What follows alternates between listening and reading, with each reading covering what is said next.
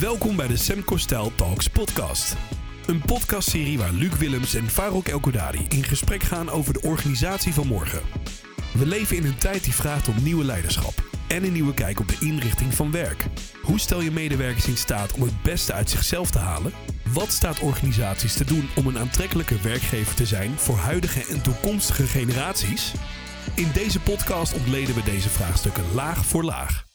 Welkom alweer bij een gloednieuwe aflevering van de Semco Style Talks. Werken in de wereld van morgen.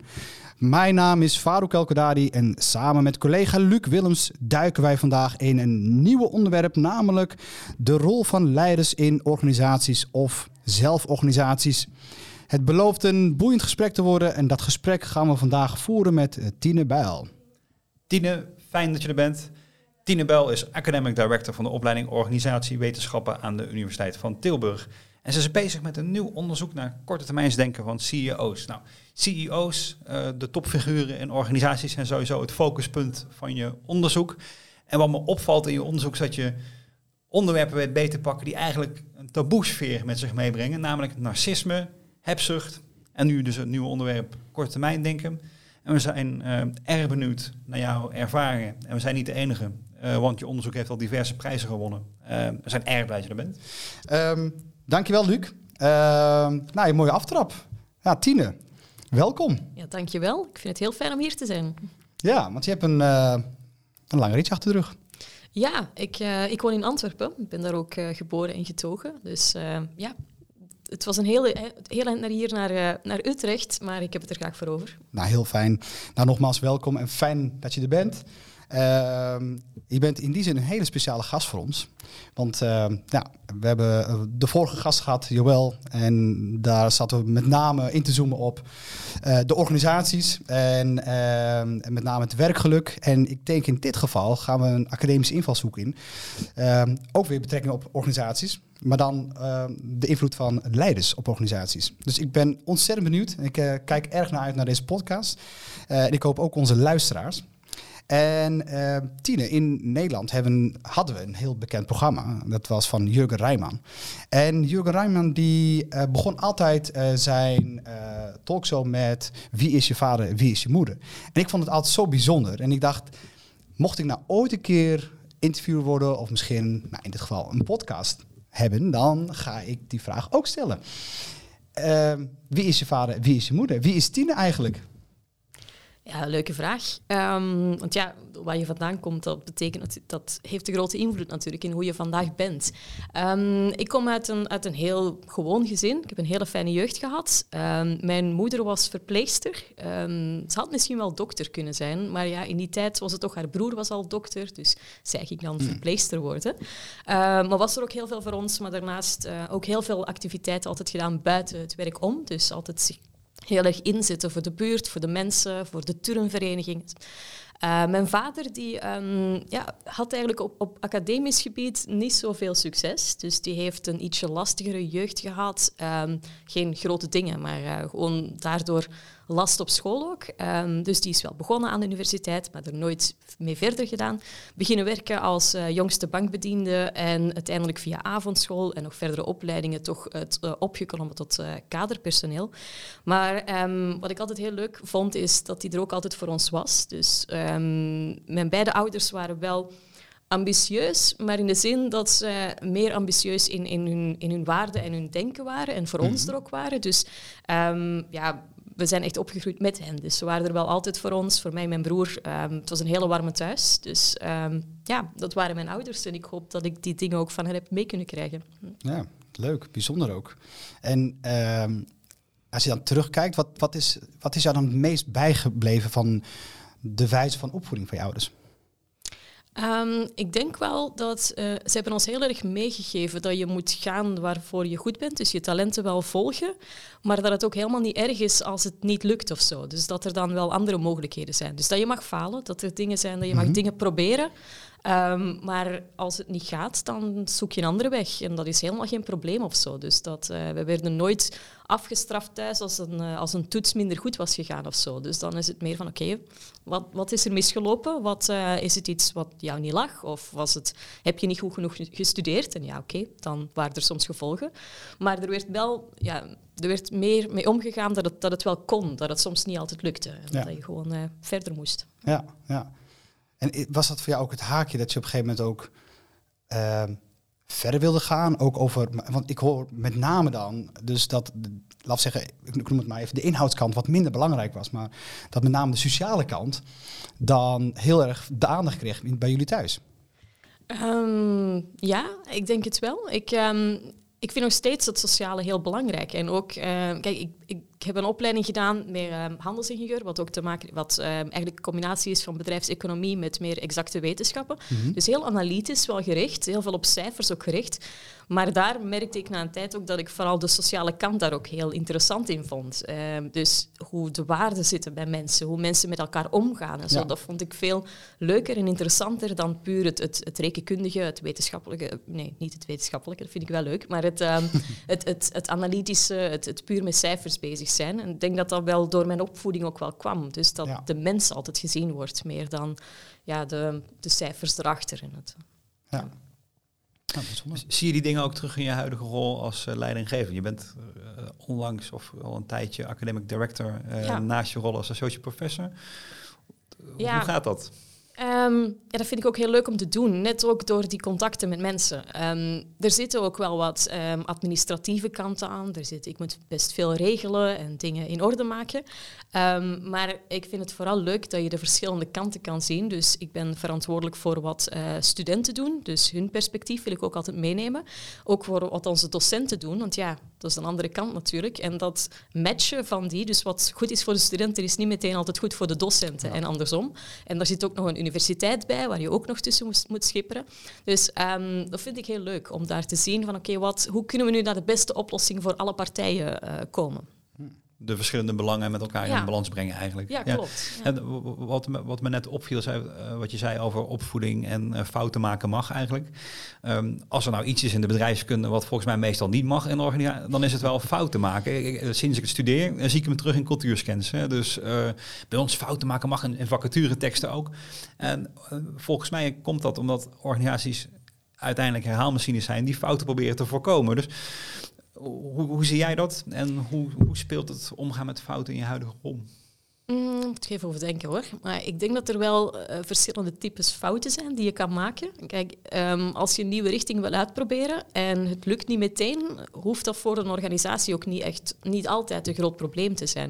Het gaat natuurlijk anders als het echt fouten in de boekhouding zijn of echt grove fouten. Ja, uiteraard dat de dingen die je wil gaan vermijden. Maar ik denk wel dat een, um, ook een leider of zo, als die ook een cultuur schept waarin het wel kan, dat mensen dingen kunnen proberen en ook uitzoeken wat het beste bij hen past, dat uh, lijkt mij wel een ideale organisatie dan. Hm. Dus zie je dat ook terugkomen in je huidige werk? Um, ja, in, in mijn eigen context. Um, ja, ik heb een, uh, een departementshoofd die ons ook heel erg toelaat om dingen uit te proberen. Om wat dingetjes, uh, net ook met de hele, met de hele coronasituatie natuurlijk, moesten we wel innoveren, nieuwe dingen uitproberen voor het uh, onderwijs. We hebben daar ook best ruimte voor gekregen om dingen uit te proberen, te zien lukt het niet. Ja. Oké, okay, dan is het ook geen ja, is te zien wat natuurlijk misloopt. Maar meestal is het geen heel groot probleem. Wordt er gewoon gekeken, oké, hoe kunnen we het een volgende keer beter doen? Ja, ja maar het lijkt ook, dat hebben wij, wij er nog laatst over gehad, hè, Luc. Het lijkt alsof ook geen ruimte meer is om te mogen experimenteren in organisaties. Ik denk dat iets wat, wat we vanuit Semco natuurlijk altijd meegeven is, probeer dingen ook gewoon uit. Mm -hmm. En inderdaad, hè, bedoel, um, het hoeft niet altijd te leiden naar falen. En, uh, maar fouten in dat proces mag gemaakt worden. Want daar kun je van leren. En ik denk dat, um, dat heel veel organisaties worstelen met, het idee van ik mag geen fouten maken. En dan met name dat dat dan doorcijpelt in de rest van de organisatie. Dat de mensen daar ook een soort van angst voor creëren. Ook om die, om die fouten te moeten maken. Dus en ik denk dat, en ik vond het zo bijzonder. Ik was uh, een paar jaar terug was met Arco van Brakel, waar wij uh, uh, hadden we een bezoek gebracht aan de Silicon Valley. En ik kreeg rondleiding in, in Google. En, en, en een van de bijzonderheden die, die ik toen meemaakte was het verhaal wat hij ons mededeelde. De woordvoerder van, van Google, die, was, die zei van ja, als wij hier fouten maken, dan ben je dat verplicht gewoon om dat gewoon te delen met iedereen. En, uh, en al, al, al is het een fout die een paar miljoen zou kosten voor Google, dan vinden ze het ja, het is wel erg. Mhm. Maar het belang van die fout zien zij als een grote ontwikkeling en een grote stap voorwaarts voor de organisatie. Want daar kunnen ze van leren. En vooral voorkomen dat anderen in de organisatie niet dezelfde fout begaan. Um, dus het experimenteren en, het, en het, het, maken van fouten en die vooral delen in een transparante organisatie is, is best wel belangrijk. Ja. Um, en, en ik denk dat leiderschap daarin een hele belangrijke rol speelt. Ja. Uh, maar ik ben dan toch benieuwd, voordat we verder inzoomen op die rol van die leiders, wat, wat jou dan fascineert aan, aan, aan, die, aan die leiders? Um, nog even teruggrijpend op wat je net zei, ook over, die, um, over fouten maken mag en zo. En um, ik denk wel dat ook bedrijven als Google, maar dan meer ook de, de bedrijven die ook echt beursgenoteerd zijn, zeker in een Amerikaanse context, die, daar is het veel moeilijker om dat te doen natuurlijk, omdat er, er wordt met argusogen naar gekeken. De aandeelhouders, de actieve investeerders, die zitten natuurlijk... Ja, als het iets is wat uh, op korte termijn een effect heeft op hun aandeelhouderswaarde, ja, dan gaan ze het echt niet waarderen. Dus daardoor wordt het moeilijk. Ik denk dat de rol van de, van de leider daar ook belangrijk is om daar een beetje de, de tussenpersoon in te zijn en te zien van oké, er zijn misschien investeerders die vragen om, om korte termijn resultaten telkens meer en meer. Maar misschien moeten we daar niet naar, te veel naar kijken. Er zijn ook andere dingen. We moeten naar, uh, naar de langere termijnvisie gaan kijken en zien waar we op lange termijn heen willen.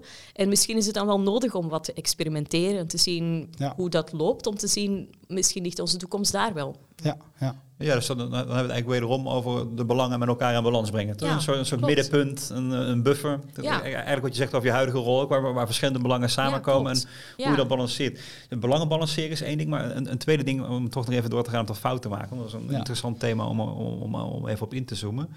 Um, een andere vraag is, hoe maak je dat nou veilig? Uh, want hmm. uh, om, om, even in Silicon Valley te, te blijven, een bekende case is de Netflix-case. En uh, daar hebben ze daar echt een practice van gemaakt. Dus een, een, een, een, een terugkerend patroon. ze noemen het spotlighting. Dus als jij een fout hmm. hebt gemaakt, dan zeggen ze kom dat maar delen op een podium. Ja. We're gonna spotlight it. Maar ik las daar een uitgebreid artikel over in de Financial Times. Um, en dan zie je ook wel een beetje de rafelrandjes van die practice. Van, ga, ga, jij dat maar eens even spotlighten. En voor je het weet, wordt dat een, een soort strafexercitie. Um, mm. Er waren zelfs mensen die zeiden... de manier waarop mensen hier een publiekelijke schuldbekentenis doen... doet mij denken aan wat ik heb gezien uh, uh, in Noord-Korea... voordat ik vluchtte. Uh, hoe mensen, hoe, hoe zijn ouders ten opzichte van een buurtcomité... moesten ja, publiekelijke schuld moesten beleiden. Dus een, het, het, het, wat, wat aan de ene kant ook heel erg bij ons past, hè, bij Semcostaal. Mm -hmm. open zijn over fouten en zeker fouten maken mag. Kan heel snel uh, ja. zijn schaduwkant uh, oproepen, zeg maar. Mm. Ja. ja. Ja, nee, dat, uh, dat snap ik dan. Ik denk dat dan de rol van de leider ook heel belangrijk is om misschien ook een, als voorbeeldfunctie of zo. Om misschien ook gewoon. En, en ik denk ook het, het, mensen daar op een podium zetten en zeggen, ja, spotlighting lijkt me ook niet echt een hele goede ja, een goede praktijk. uh, want dan zit inderdaad een beetje ja, in de, in, ja, veel schaamte te gaan geven aan mensen. dat lijkt me ook niet echt uh, wat je wilt hebben. Maar op een andere manier er wel mee omgaan en ook als, als leider toegeven van ja, af en toe maak ik eens een fout of denk ik eens een verkeerde richting of moet ik gewoon raad gaan vragen aan anderen, dan uh, dat is dan weer een heel andere kant. Dus als je leiders zijn toch ook een groot stukje de figureheads van organisaties, de voorbeelden waar iedereen naar kijkt. Dus ja, dat... Uh, in hun, in hun rol kunnen ze daar veel betekenen, lijkt mij. Ja, ja net, net, net zoals opvoeden uh, voorleven is. Hè. Het goede gedrag laten zien geldt dat voor leiders in feite misschien ook wel. Ja, klopt. En hebben we daar de parallel uh, te pakken. Misschien leuk om de brug te maken naar de rol van leiders in organisaties. Uh, een gebied wat je volgens mij al sinds 2005, of misschien zelfs al tijdens je PhD, PhD maar in ieder geval daarna in onderzoek hebt, hebt beetgepakt. Ja. Um, als we 2006 of 5 tot nu uh, en nog voordat we ingaan op al die onderzoeken en alle voorbeelden ervan. Wat zijn zo de trends en ontwikkelingen in leiderschap? Wat, wat, heb je zien veranderen in de rol van leiders in die tijd vanuit jouw? Um, ja, het zijn uh, twee verschillende vragen, lijkt mij. De enerzijds, wat zijn de trends in het onderzoek en wat zie ik veranderen in de praktijk? Um, ik denk in het onderzoek is men meer en meer um, gaan kijken naar echt die, die persoonlijkheidskenmerken. We kunnen nu veel meer. Uh, dus vroeger, toen ik begon, dan moesten we echt kijken naar dingen als leeftijd en ambtstermijn, omdat dat de dingen zijn die we konden meten.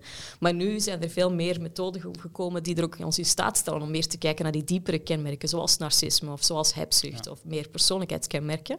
En dat vond ik, vind ik ook veel leuker om te gaan bestuderen, want het heeft ook een, een grotere invloed dan ja, leeftijd. Het kan zoveel dingen met zich meenemen. Ja. Nu, wat ik zie in, ehm, in hoe leiders evolueren, ehm, er is onderzoek geweest door, het is wel Amerikaans onderzoek, dus op basis van een Amerikaanse setting, dat het lijkt alsof dat, ehm, dat bedrijfsleiders steeds meer narcistisch worden, steeds meer op basis van materiële waarden gaan werken, dus meer eigenbelang, ook hebzuchtiger dus ook, ehm, en zich minder verbonden voelen tot eh, de organisatie. Dus die psychologische verbondenheid tot organisaties, dat die ook minder gaat zijn. Wat natuurlijk ook wel tot uitwassen kan zorgen, want ja, dat wil je niet. Nu, in Europa lijkt het minder zo te zijn, omdat hier sowieso ons waardepatroon wat anders is. Eh eigenbelang is ietsje minder ja, sterk vertegenwoordigd dan in eh, de US. Ja. Maar toch, er is zo'n trend om toch te zien dat, het, eh, dat we die richting zijn aan het evolueren naar meer individualistische leiders. Wat heel jammer is natuurlijk, want ja, ook mijn onderzoek heeft laten zien dat dat echt wel heel grote gevolgen kan hebben voor de organisatie, voor de mensen die daar werken en organisaties op lange termijn, ehm, een resilience. eh, dus ja, dat is een ehm, verontrustende trend die, eh, die we toch zien. En ehm, kunnen we misschien zelfs, en dan wil ik ook mijn eigen rol daarin belichten als eh, onderwijzer, want ja, in het onderwijs, van hoe we die mensen gaan opleiden, veel van die ehm, bedrijfsleiders hebben dan een opleiding gevolgd in eh, een MBA of bedrijfseconomie. En niet dat daar iets mis mee is, jullie hebben het ook beide gestudeerd, ik ook, dus dat wil ik niet zeggen. Maar als je kijkt naar alle theorieën die er worden aangeleerd, dan ga je zien dat die ehm, assumpties die eronder zitten ook heel erg op, het, op winst zitten, op voordeel voor aandeelhouders. Ja. En dat is wat Ja. je moet doen. Ook, ik weet niet of jullie ooit ehm, ook over de agentschapstheorie hebben geleerd, agency theory. Ja, dus zeker, dan, ja, zeker, ja. Ook belangrijke theorie in bedrijfseconomie. Maar dan gaat het er ook allemaal over dat je dat je bedrijfsleiders eigenlijk, of managers moet je incentives gaan geven, want anders gaan ze zich opportunistisch gedragen. Nu, dat is natuurlijk iets, ja, dan krijg je zo'n soort van zelfversterkend effect als je mensen het aanleert, toekomstige bedrijfsleiders, dat dat is hoe in theorie ze zich zouden moeten gedragen, ja, dan gaan ze zich misschien meer zo gedragen en dan, ja, dan wordt het enkel maar meer en meer eh, in die richting. Ik, ik vind het echt fascinerend om te horen. Ja. Ja, het, zou juist verwachten dat misschien juist het sociale aspect juist dan, dan de dominante factor zou zijn, ook bij die leiders. Maar dat, dat is dus niet het geval. Dus. Ja, het zijn de trends die, die we zien gebeuren. Ehm, nu, anderzijds is er ook wel een andere tegentrend. Hè. Dus we zien ook wel dat meer en meer bedrijfsleiders zich ook bewust zijn van het feit dat het niet enkel om aandeelhouders en winsten en zo gaat. Hè. Dus Ja. meer eh, naar maatschappelijk verantwoord ondernemen, naar meer lange termijn denken. Eh, dus dat is de tegentrend die vooral ook in Europa, moeten we ook eerlijk in zijn, wij zijn er nu eenmaal in Europa meer mee bezig dan eh, Ja, in de ja, US, ja. zien we dat daar toch ook meer, meer opmars komt. Gelukkig ook maar. Dus dat eh, hopelijk die andere trend kan worden afgeremd daardoor. Is er dan gebrek aan lange termijn denken dan bij die, bij die leiders dan? En veel meer gericht op inderdaad hè, het verhogen van aandeelhouderswaarde voor, eh, voor, voor aandeelhouders natuurlijk. Is dat, is dat een van de belangrijkste drijfveren ook voor, de- voor, die, voor die leiders?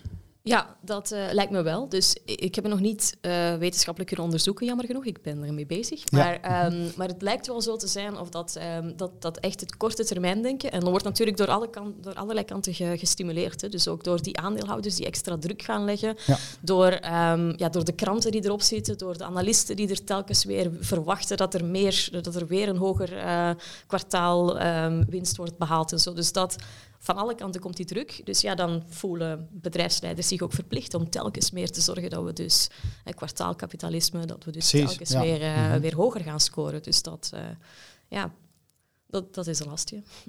Ja, dus ze, ze zijn opgevoed in een systeem waarin winstmaximalisatie eh, centraal staat. Ja. Ehm, en de, de druk van buiten, Ja. en als we toch naar naar de verschillende belangen kijken, Ja, eh, duwt ze ook die kant op. ja klopt. Ehm, en wat je daarvoor zei is eigenlijk dat de, de trends of de thema's waar jij onderzoek naar doet, eh, narcisme eh, en, Ja. en hebzucht, dat die sowieso eh, groter worden, lijken, eh, meer nadruk lijken te krijgen in, in organisaties? Ja, het, het lijkt alsof dat inderdaad, ehm, ja, dat er steeds meer narcisme te zien is ook bij eh, bedrijfsleiders. eh, hebzucht, dus ehm, het worden alleen maar interessantere onderwerpen om te gaan onderzoeken. Ja. Ja, wat, wat, me eh, prikkelde in die onderwerpen, ook in de, in de vorm, dit, zijn, dit zijn wel echte taboe-onderwerpen, toch? Dat Ja, en ik wil er ook even benadrukken dat die, ik, ik kijk naar narcisme, maar niet vanuit het psychologische ehm, ja, daar wordt echt narcisme gezien als persoonlijkheidskenmerk dat je hebt of niet. Ehm, bij mij is narcisme een schaal. Dus ik bekijk naar eh, mensen die meer of minder narcistische trekjes gaan eh, vertonen. En sowieso is het logisch om te zien dat bedrijfsleiders over het algemeen, en ik wil niemand voor het hoofd stoten, ook niet van de luisteraars, maar ehm, een beetje narcisme is ook helemaal niet zo erg of zo. En je kan verwachten dat in, ehm, in het algemeen het niveau van narcisme ietsje hoger zal liggen bij bedrijfsleiders dan bij de algemene bevolking. Omdat je, om bedrijfsleider te, te kunnen zijn, ja, dan, je moet ook wel een beetje in de belangstelling willen staan. Je moet ook die rol willen nemen. Be- ehm, eh, narcisme gaat ook heel erg over, over een visie hebben, over charisma, over gezien worden als leider. Dus mensen met een ietsje hoger niveau van narcisme worden vaak ook gezien als natuurlijke leiders. Dus het is logisch dat mensen die, eh, ja, dat bedrijfsleiders over het algemeen net ietsje meer narcistisch zijn dan, ehm, dan de algemene bevolking. En ook weer dat, ik wil er geen waardeoordeel of zo aan, aan koppelen. Eh, want we zien ook dat een beetje dan narcisme ehm, ook kan zorgen dat eh, bedrijven ook een- ja, een, groot, een betere visie, of ja, niet beter, maar een andere visie hebben, een, een charismatische leider hebben, meer innovaties gaan doen, meer risico's gaan nemen, wat soms goed kan uitdraaien, soms ook niet. Dus het is, er zit geen echt waardeoordeel daaraan. We zien wel dan dat, ehm, dat die narcistische leiders hun organisaties dan weer kwetsbaar maken voor als er iets gebeurt vanuit zo'n systemische schok of zo. Dus dan, ja, dan kan die organisatie het, het heel lastig krijgen. Ja, en dat, eh, dat leidt eigenlijk je onderzoek eh, enigszins in over narcisme van leiders en de impact eh, Ja. of de, de, rol- de invloed die dat heeft op systeemschokken. Kun je iets vertellen over hoe dat onderzoek in elkaar zit en zat? Ja, ja, natuurlijk. ja. Ehm, dat onderzoek dat, heb ik gedaan aan de hand van... eh, de setting van het onderzoek was eigenlijk de, ehm, ehm, de grote bankencrisis in de US. Die dus in september 2008 begonnen was met Lehman Brothers. En ja, dan had, dus de hele bankensector is toen in elkaar geklapt eigenlijk. Ehm, en ik heb gekeken naar, ehm, naar die banken, dus naar 92 van die banken, naar ehm, het niveau van narcisme van de CEO's net voor die shock plaatsvond. En dan gekeken, oké, wat betekende er eigenlijk voor die banken? Dus hebben die meer risico's genomen of net niet? En ook hoe hoe ging het dan met die banken doorheen de crisis? En wat ik dan gemerkt heb, is dat die banken die een meer narcistische CEO hadden net voor die shock, dat die inderdaad meer risico's ook hadden genomen. Dus meer risico's ingebouwd dus in, hun, ehm, in hun strategie. Dus meer van derivaten en allerlei producten gedaan waar echt inherent meer risico's in zitten. Ja. Ehm, en dat heeft er dus ook voor geleid dat ze daardoor tijdens de shock, ehm, dat ze, ja, die shock was gewoon een enorme ramp voor iedereen, dus daar op zich niet echt een, een groot verschil. Maar het duurde veel langer voor die banken terug konden opkrabbelen tot het niveau van voor de crisis, als ze een narcistische CEO hadden gehad. Dus dat ehm, geeft eigenlijk aan dat die narcistische CEO's hun, ehm, ja, hun bank van binnenuit eigenlijk een beetje hadden leeggeroofd bijna. Dus waardoor het ook lastiger werd om dan terug op te krabbelen achteraf, toen het minder goed ging. En hoe meet je narcisme? Ja, dat is een goede vraag. Die vraag krijg ik vaak. Ehm, narcisme op zich, en daar wil ik ook nog even terug benadrukken, het gaat niet om het psychologische karakter, ja, de persoonlijkheidskenmerk. Ja, ja. Ik kijk meer naar narcistische trekjes binnen CEO's. En uiteraard, ik werkte met, een, eh, met archiefinformatie, want ik was niet in 2007 of zo al in de US om die mensen te gaan interviewen. Dus dat moet je doen met de informatie die er beschikbaar is, die je kan vinden in de archieven. Ehm, dus narcisme was eh, gemeten aan de hand van verschillende factoren, verschillende items eh, die ik samen heb genomen. En geen van die factoren of items op zich is een goede maat van narcisme, maar als je ze samen neemt, dan krijg je wel een goed beeld. En dat waren dan factoren zoals ehm, de, ja, de jaarrapporten van bedrijven, dus daar de foto van de CEO. Dus, en er zijn enorme verschillen. Dat was een heel, heel leuk stukje van mijn onderzoek om al die jaarrapporten door te gaan en naar de foto te kijken van de CEO. En dan zie je dat soms is er helemaal geen foto. Soms is er een klein fotootje, een pasfotootje, eh, elk jaar hetzelfde. Soms heb je echt zo'n hele grote, hele pagina. Ik heb zelfs een CEO gehad die in één foto ehm, de marathon liep en over, dus een foto toen hij over de streep reed. Ja, ja. En het volgende jaar diezelfde CEO op een mountainbike in de bergen, zo'n pagina grote foto. Ja. Dus dat, ehm, dat is iets. Ehm, of die CEO ook alleen op die foto staat of met anderen. Dus dat is ook weer iets wat meewerkt. Ehm, of de CEO ehm, de brief, de aandeelhoudersbrief, die ook in het jaarrapport staat, alleen ondertekent of samen met anderen. Ja. Ook als de CEO praat over zijn bedrijf, of dat is in de ik-vorm of in de wij-vorm. Ja. Dus dat is ook een van de indicatoren. Dan wordt er vaak ook gekeken naar eh, verschillen in beloningen dus tussen de CEO en de rest van het topmanagementteam. Want je zou kunnen verwachten dat een meer narcistische CEO zichzelf wel boven de rest zet. En dus ook een grotere pay gap tussen hen. Ja. Ehm, en even denken. Ehm, ja, dat, was eigenlijk, dat zijn een beetje de belangrijkste items die we mee hebben genomen. Ja, wat, wat ik daar heel leuk aan vind, is dat je een heel uh, ontastbaar iets, wat je anders zou moeten uitvragen of observeren, e- eigenlijk probeert te kwantificeren en te objectiveren, zelfs uh, op, op basis van archiefmateriaal. Is, ja. is, dat, uh, is dat tegenwoordig vaker gevolgd onderzoekswijze? Want van mijn bedrijfskundestudie ken ik hem nog niet op die manier. Ja, het is iets wat uh, de laatste jaren meer en meer wordt gedaan. Dus uh, we worden wat creatiever in het uh, zoeken naar manieren om dit soort kenmerken toch ook ehm, meetbaar te maken. En we weten dan ook wel, want ik ben niet de enige die dit doet. En ik was ook niet de eerste die narcisme deed. Ik heb al wat eigen items gebruikt, maar toch. Um, maar we weten dat het niet perfect is, maar het geeft wel een beeld van wat narcisme zou kunnen zijn. Nou. Ja, we zoomen heel erg in op narcisme. En ik denk dat dat ook natuurlijk een, belangrijk resultaat is voor je onderzoek. Maar terwijl ik aan het lezen was, dacht ik wel van... wauw, dit is echt bijna op alle fronten tegenovergestelde van wat wij prediken met Semco-stijl. Ja, lijkt me ook. Ja, en wat is nou jouw visie op nou ja, leiders uh, of leiderschap in zijn algemeenheid op, op zelfsturende organisaties? Um, als je dat dan relateert aan, aan, aan de studie die je hebt gedaan, of althans het onderzoek. Um, er is ook onderzoek dat zegt dat narcisme dat dat ook leidt tot meer um, ja, counterproductive work behaviors. Dat het binnen ja. de organisatie dus ook zijn weerslag heeft. Dus als jij als werknemer ziet dat je CEO daar heel erg in de ik-vorm altijd praat en altijd over zichzelf heeft, ja, ja. dat is meestal niet zo fijn voor. Uh, ze zijn vaak ook, ze gebruiken mensen ook heel instrumenteel. Dus wanneer ze ze kunnen gebruiken, wat eigenlijk lijnrecht tegenover staat wat Semco-stijl voorstaat, lijkt mij. Mm -hmm. Dus dat um, ja, lijkt me niet echt een, een goede match.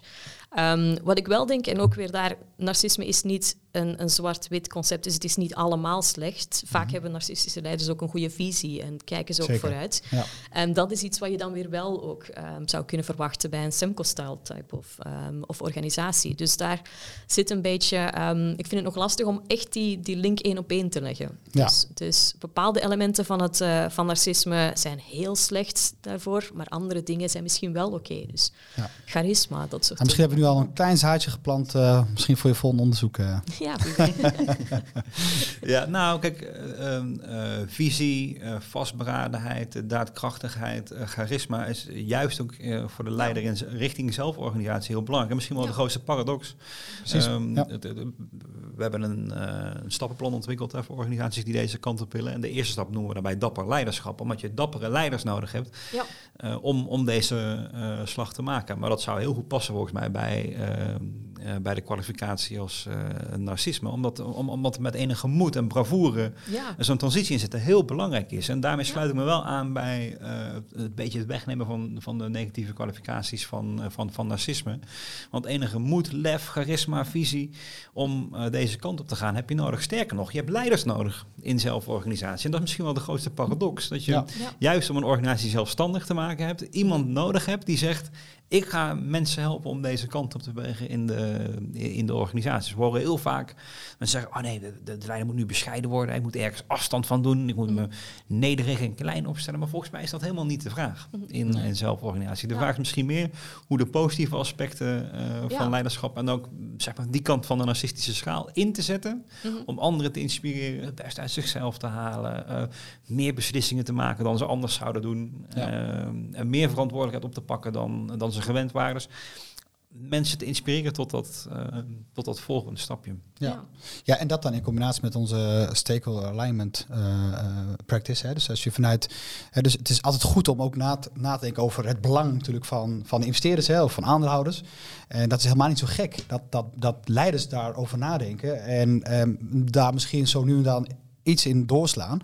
Eh, omdat de focus dan heel erg ligt op de korte termijn. Ik denk dat dat een enorm gemiste kans is. Als je kijkt überhaupt naar het Westen. Hè. Als je kijkt Ja. naar de benadering naar, naar de korte termijn denken. ehm, en korte termijn, nou ja, bijna het, het, het, winstmaximalisatie op de korte termijn. eh, die is altijd vele malen groter dan. Maar wat hebben we nou echt nodig voor de lange termijn? En dat zie je in het oosten veel minder. Als je kijkt bijvoorbeeld naar China. Nou, je, mag er een mening over hebben. Maar ik vind juist het lange termijn denken ehm, eh, vind, ik, vind ik echt fascinerend gewoon. Eh, zelfs over generaties heen denken, durven denken. En dat, dat eh, heb je toevallig dat meegenomen in je onderzoek? Of heb je daar... ehm, Ja, daar ben ik dus nu echt over aan het nadenken, omdat ik er een studie over wil doen en theoretisch al wat verder zit, maar nog niet echt heb kunnen uitwerken. Maar ik vind het, er zit ook echt een hele grote paradox in. Want om het op lange termijn goed te doen, moet je het op korte termijn ook goed doen. Je geraakt niet Ja, op de lange ja, ja, termijn als je absoluut. de korte termijn niet hebt afgedekt. dus dat maakt het heel lastig om die goede balans dan te vinden. Om te zorgen dat je toch op korte termijn goed scoort, om te kunnen ervoor zorgen dat je lang kan, kan blijven bestaan. Dat blijft dat eeuwige lastige. En- Ja, En sterk nog, ja, het is niet eens en-en, het is, het is door-door. Mijn, mijn, Ja. mijn, mijn, mijn favoriete theorie is wel eh, dilemma reconciliation. En hoe je het een gebruikt om het ander te bereiken. Dus Ja. eh, juist door res- goede resultaten op korte termijn, inderdaad schep je de ruimte voor lange termijn en omgekeerd. eh, door goed te weten wat je op de lange termijn wil, eh, kun je je, je actie op de korte termijn beter richten. Ja. Eh, Ja. dat een, een van de meest mindblowing concepten die ik in de bedrijfskunde heb eh, ontmoet. Wat sowieso een van de leuke dingen van het vakgebied is, dat je met, met concepten en theorieën en ideeën je eigen verbeelding verrijkt en daarmee je handelingsrepertoire eh, vergroot. ja. Ehm, over concepten gesproken, nog even terug naar een van de onderwerpen uit je onderzoek, eh, Ja. waar we het nog niet over hebben gehad. Narcisme hebben we inderdaad eh, mooi behandeld nu. Eh, maar de andere is hebzucht. Ehm, Ja. Kunnen we daarvan hetzelfde stellen dat daar een positieve kant aan zit? Of komen we hier toch in het... Ja, dat, dat lijkt me een hele lastige. Hebzucht is, eh, ja, dan heb je het over gr- graaiende CEO's. Over Ja, CEO's ja. die zichzelf echt een veel groter, ja, grotere beloning toekennen dan eigenlijk ja, goed zou zijn. Ehm, ander onderzoek voor het, het mijne had al eh, laten zien dat het eh, slecht is voor de aandeelhouderswaarde. En in ons onderzoek hebben we eraan toegevoegd, hebben we gevonden dat het ook heel slecht is voor de andere ehm, ehm, stakeholders. Dus de, ja, ze gaan veel minder aan, eh, CEO's die meer heb- hebzuchtig zijn, gaan veel minder aan maatschappelijk verantwoord ondernemen gaan doen. En wat ook weer die organisatie meer kwetsbaar maakt voor eh, als er een shock weer gebeurt. Dus een beetje dezelfde opzet als het andere onderzoek, maar dan eh, meer naar hebzucht kijken en CSR of maatschappelijk verantwoord ondernemen Ja. daartussen. Omdat een leider dan uiteindelijk niet meer de belangen in een goede balans Ja. brengt, eh, maar zijn eigen belang te veel voorop stelt. Ja, klopt. En kijk, ehm, eigen belang bij, bij managers of bij CEO's ehm, is op zich ook weer, dat is niet negatief. Want heel veel van de grote klassieke economische theorie- theorieën gaan daar nu net ook vanuit. Van het ehm, ja, je eigen belang volgen, eh, dan is er die invisible hand die je naar de greater good gaat brengen, dat soort ideeën. Dus er zit ook een stukje eigen belang in. Maar hebzucht echt, dus greed zoals wij het ehm, hebben genoemd, dat, dat is echt het extreme daarvan. Dus dan gaat het niet meer echt om het productieve eigen belang, maar meer naar het, het eigen belang met echt heel materialistisch en jezelf echt veel meer toekennen dan eigenlijk eh, zou mogen. Ja. Nee, precies. Want op, op de schaal voor, voor hebzucht zou dan kunnen staan eh, ambitie of, eh, Ja. of, of eh, materialisme willen bezitten. En daar, daar, nou, dat, dat wil ik gewoon persoonlijk. Ik, ik heb dat dus helemaal niet. Dus ik vraag me, ik vraag me af of dat ik daar. Ik vraag me dus af of, dat, of ik daar uniek in ben. Weet je, of, of dat het nou. Ik weet het gewoon. Het, boeit me helemaal niks, namelijk in, wel- in welke auto ik rijd. Hoe, hoe, hoe, hoe ervaar jij dat? Ehm, ja, nee, ehm, ik, ik zou mezelf ook niet hebzuchtig benoemen. Ehm, ik vind het ook minder belangrijk persoonlijk. Maar anderzijds, er zijn ook mensen die het wel belangrijk vinden in welke auto. En dat betekent ook niet meteen dat het dan slecht is Slecht of is, zo. Dus ik vind het... Ja. Het is, ja. een mooi, het is een mooie kanttekening, eh Tine. Want inderdaad, want ik denk dat... ik, ik vind het anders dat iemand de focus legt misschien op mooie dingen... Mhm. dan ehm, het feit dat je heel hebzuchtig bent... en daarmee eigenlijk je organisatie en daarmee je mensen benadeelt. Want ik denk Ja. dat dat wel Ja. eh, een hele andere benadering is die zij voor ogen hebben. Ik denk dat ze helemaal niet bezig zijn met... goh, ik wil een hele mooie auto rijden. Ja. Maar het gaat denk ik ook vaak over macht, of niet? Ja, dat lijkt me wel. Het, het doen of het, eh het die idee dat jij het wel waard bent en de anderen niet. Dus het, het gaat bij hebzucht echt om jezelf boven de anderen stellen. Dus het gaat niet zozeer om een, groot, een hoger loon op zich te hebben. Want op zich, veel CEO's hebben een eh, behoorlijk hoog loon. En Ja. dat is niet altijd problematisch. Om, eh, er zijn ook uitwassen, absoluut. Maar het is, ja, ze, ze moeten ook veel werk verzetten voor dat loon. Maar het is het punt waarop dat eigenlijk ervoor zorgt dat de anderen in de organisatie minder krijgen of dat je je stakeholders gaat eh, benadelen daardoor, doordat je eigenlijk het naar jezelf toetrekt. Dat is het punt dat het echt greed wordt, dat het echt hebzucht wordt en dat het problematisch wordt. Ja. Ik, moet, ik moet zeggen, hè, wat mij ieder geval sinds wij bezig zijn met Semco-stijl eh, ehm, en met name ook internationaal, hè, want we, zien vele ontwikkelingen, vele trends ook ehm, in verschillende landen. Zelfs in landen waar je het niet zou verwachten. Denk aan Japan bijvoorbeeld. Ik denk een van onze meest succesvolle ehm, eh, partners eigenlijk. Wat, je, wat je met name ziet in die, in die trend en ontwikkeling is dus toch heel erg op zoek gaan naar wij noemen dat dan het verdemocratiseren van je, van je organisatie. En wat mij nou fascineert, en ik, ik, het, lukt mij niet om daar echt nou ja, goed grip op te krijgen bijna, is wat is er nou nodig dan om die type leiders waar we het nu over hebben, om die dan naartoe te bewegen? Om te snappen en te begrijpen dat er iets anders nodig is. Want ik denk de schreeuw nu wereldwijd om personeel. Ehm, dat zegt wel over, denk ik, iets over, over de status van en misschien wel de, de stand van, van, van de welzijn van alle organisaties in de wereld.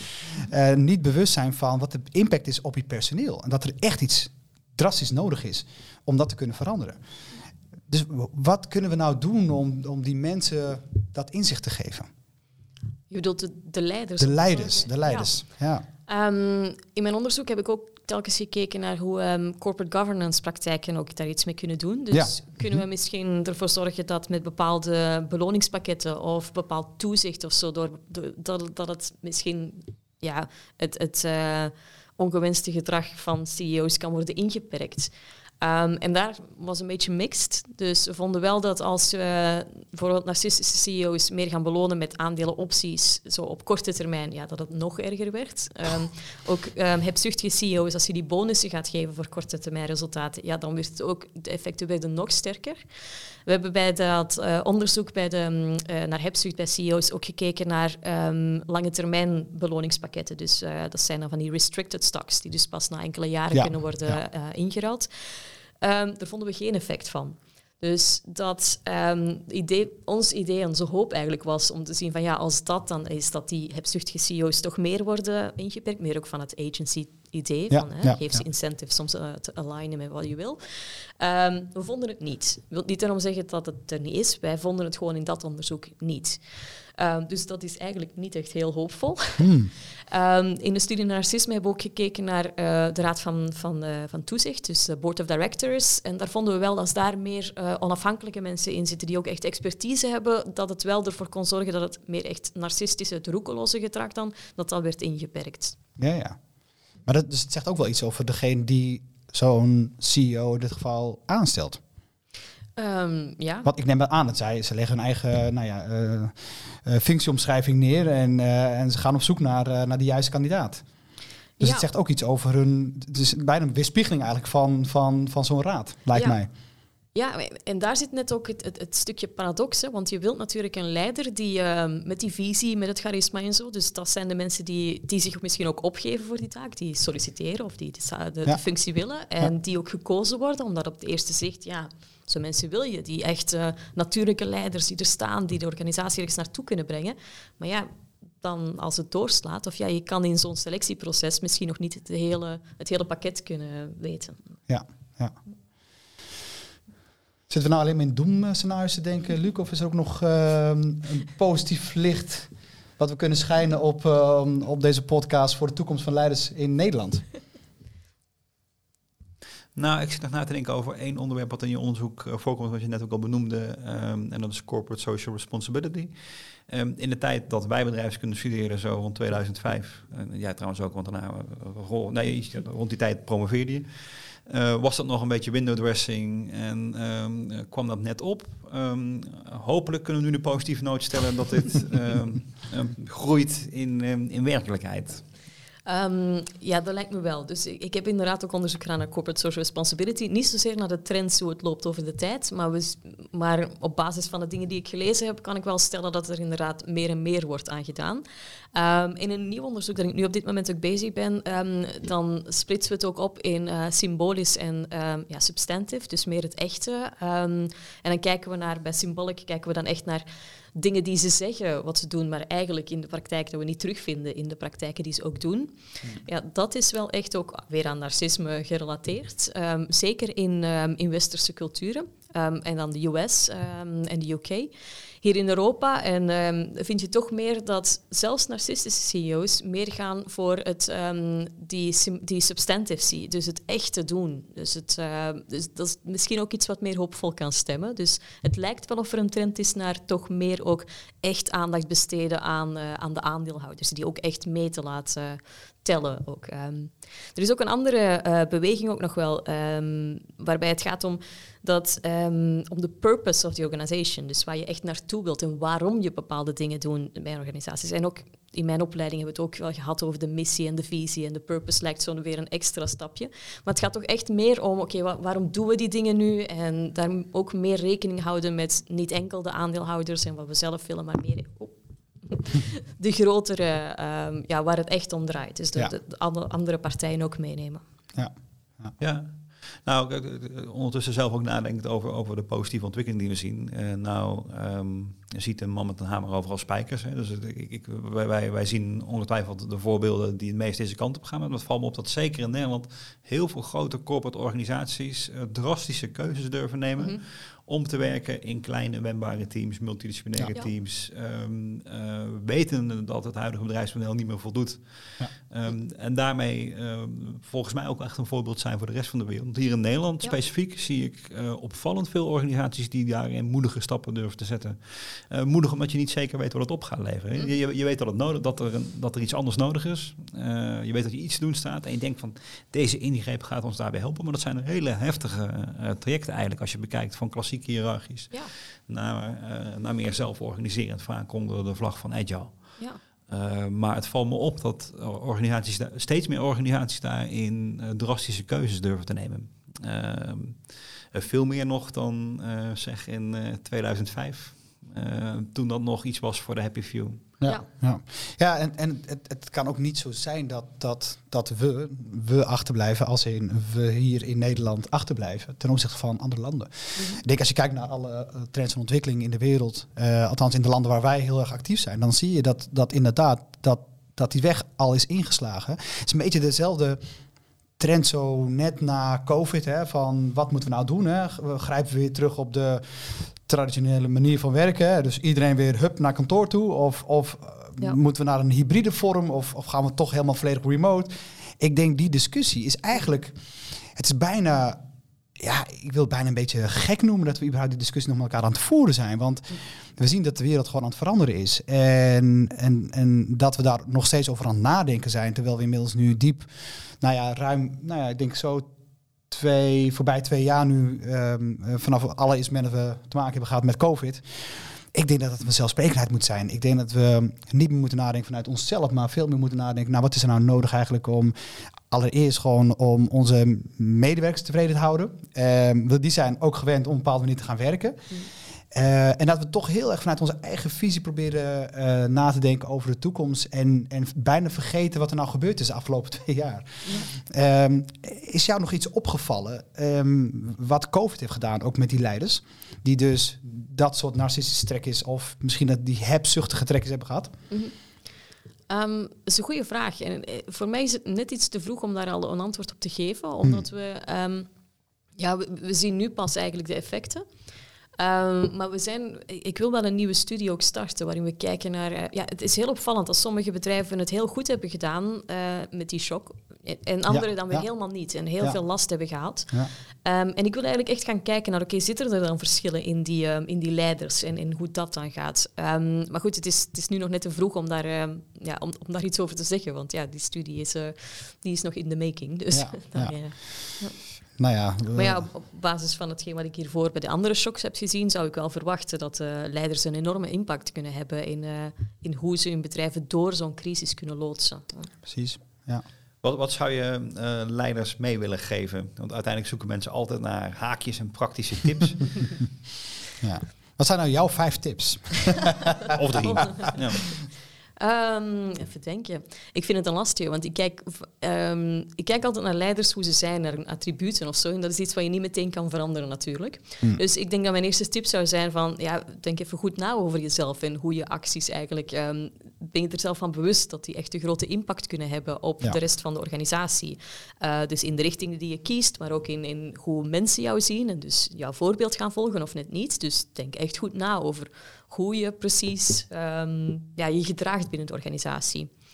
Um, een tweede tip, lijkt me van... Ja, die corporate governance die vind ik toch ook een belangrijke. Dus hm. als er bedrijfsleiders zijn, uh, rollen van, de, van mensen die in de raad van toezicht of zo zitten, zijn toch niet te onderschatten. Dus bekijk ook even hoe je daar een goede rol in kan spelen. En als bedrijf zorg ervoor dat je een, een goede raad van toezicht hebt samengesteld. Dus dat die ook echt, dat er mensen in zitten, niet zomaar de ja-knikkers, maar ook mensen die even tegen schenen durven schappen en die Ja. ook echt toezicht gaan houden. Ehm, en even denken, wat kan nog een derde tip zijn? Ehm, ja, mijn derde tip zou dan toch ook meer kijken naar de lange termijn ook zijn. En rekening houden met de verschillende partijen en hoe je die echt in balans kan gaan brengen. Ja. Beetje algemeen, maar toch. En wat zou je die leiders eh, misschien als extra tip willen meegeven als ze nadenken over eh, alternatieve vormen zoals bijvoorbeeld zelfsturing of zelforganisatie of agile of lean? Ehm, wat zou je ze ehm, extra willen meegeven?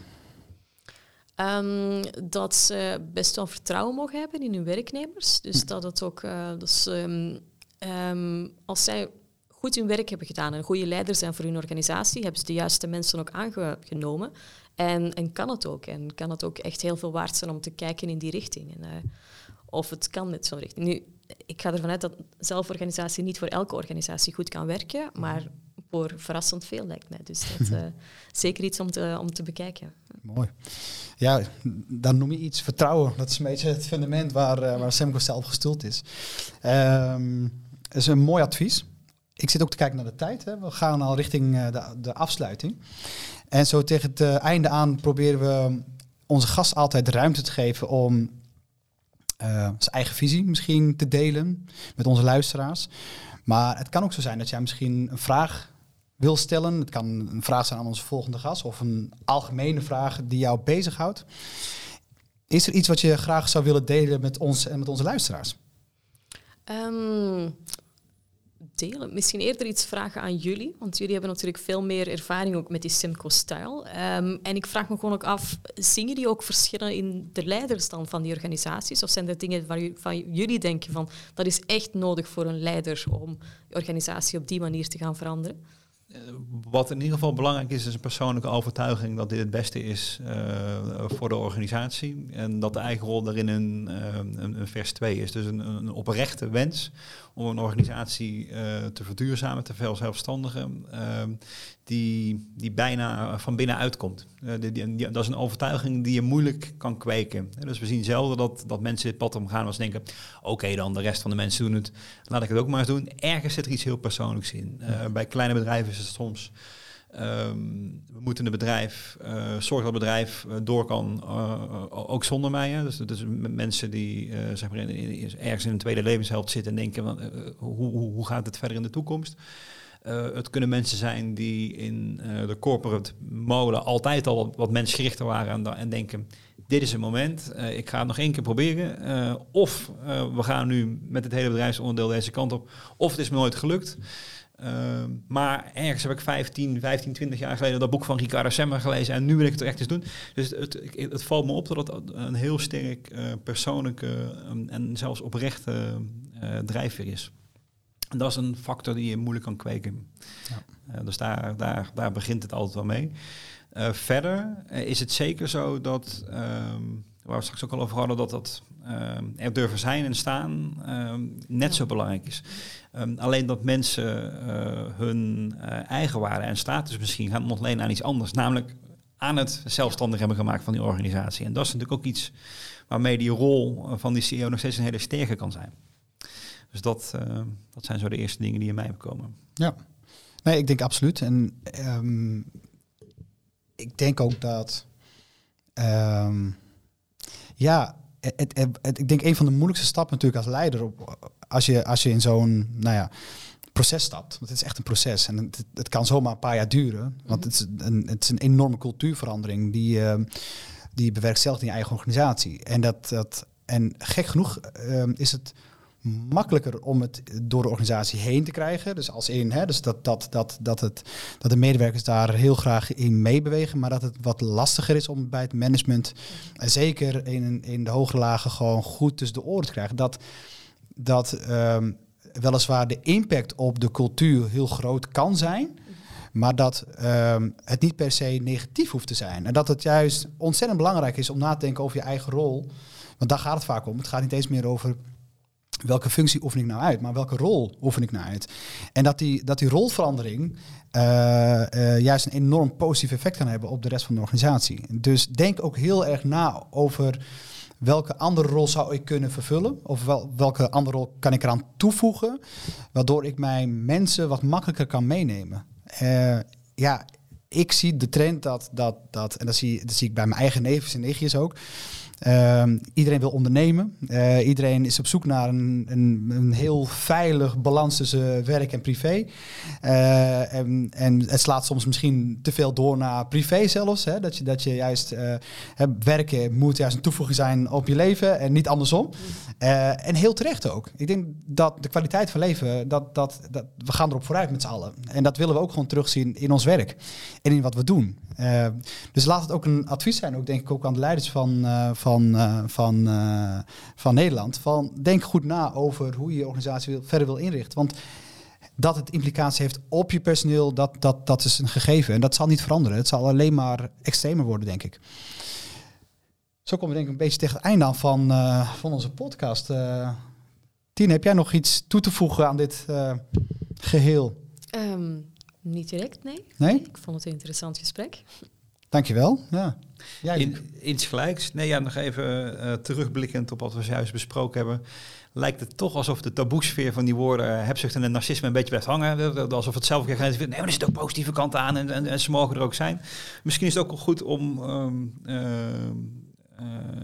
om niet alleen de positieve, maar ook de negatieve kant echt, echt, echt te mogen laten zijn. Hè? Ik denk dat dat, dat dat ook iets is wat je in je onderzoek beoogt.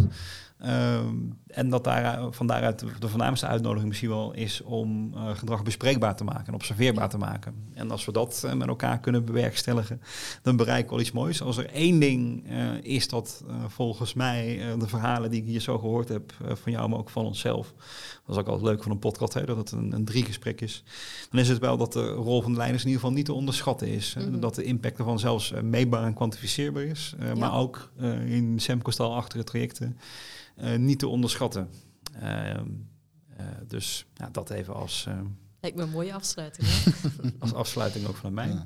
Dankjewel Tine voor je, voor je komst. Ja, dankjewel om mij uit te nodigen. Semco Style Talks. Werken in de wereld van morgen.